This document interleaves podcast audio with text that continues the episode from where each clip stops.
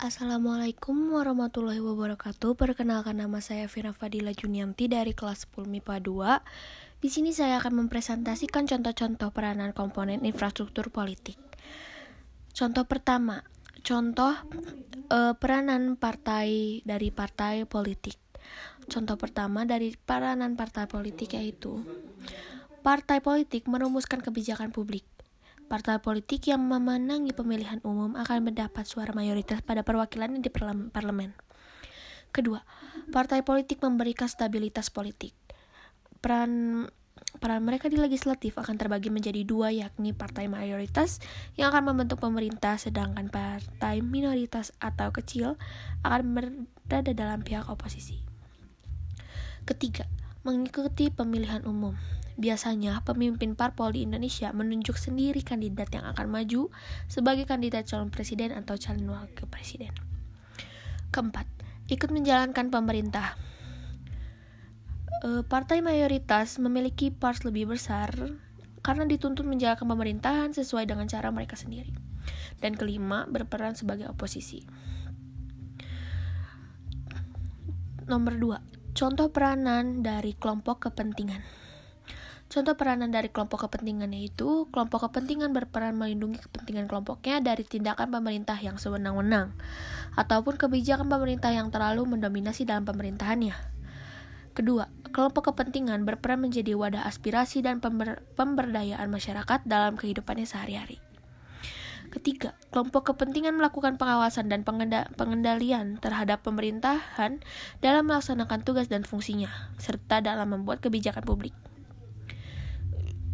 Keempat, kelompok kepentingan melakukan kajian-kajian atas kebijakan yang dilakukan pemerintah dengan tujuan untuk menilai apakah pemerintah mengeluarkan kebijakan publik sesuai dengan keinginan atau tuntutan rakyatnya. Contoh ketiga, contoh peranan kelompok pe Contoh ketiga yaitu contoh peranan kelompok penekanan.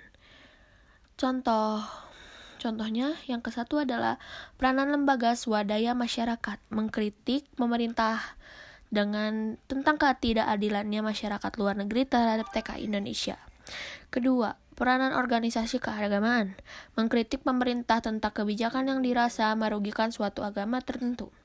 Dan ketiga, peranan lembaga HAM mengkritik minimnya tindak pemerintah terhadap hukum yang tajam terhadap masyarakat kalangan bawah. Contohnya, nenek lansia yang mencuri pisang karena kelaparan dihukum penjara satu tahun enam bulan. Contoh peranan keempat yaitu contoh peranan alat media dan komunikasi politik yaitu Penya, contoh pertama yaitu penyampaian informasi. Pada dasarnya media komunikasi politik merupakan sarana penyampaian arus informasi politik dari aktor politik maupun pemerintah kepada rakyat secara meluas. Kedua, penyalur aspirasi. Media komunikasi politik ini juga berkembang sebagai media penyampaian aspirasi dari rakyat kepada pemerintah.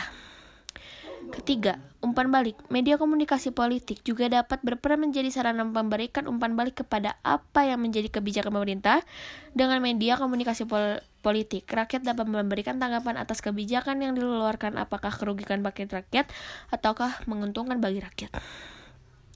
Dan keempat, penghubung pemerintah dan rakyat. Media komunikasi politik merupakan salah satu jembatan penghubung antara pemerintah dengan rakyatnya, serta sebaliknya antara rakyat dengan pemerintahnya. Dan contoh terakhir, contoh peranan tokoh politik. Contoh peranan tokoh politik itu sebagai media untuk seseorang agar mempunyai pembanding dari orang lain serta memberikan suatu dorongan politik yang membangun. Sekian dari saya. Wassalamualaikum. Maaf jika ada kata-kata yang salah. Wassalamualaikum warahmatullahi wabarakatuh.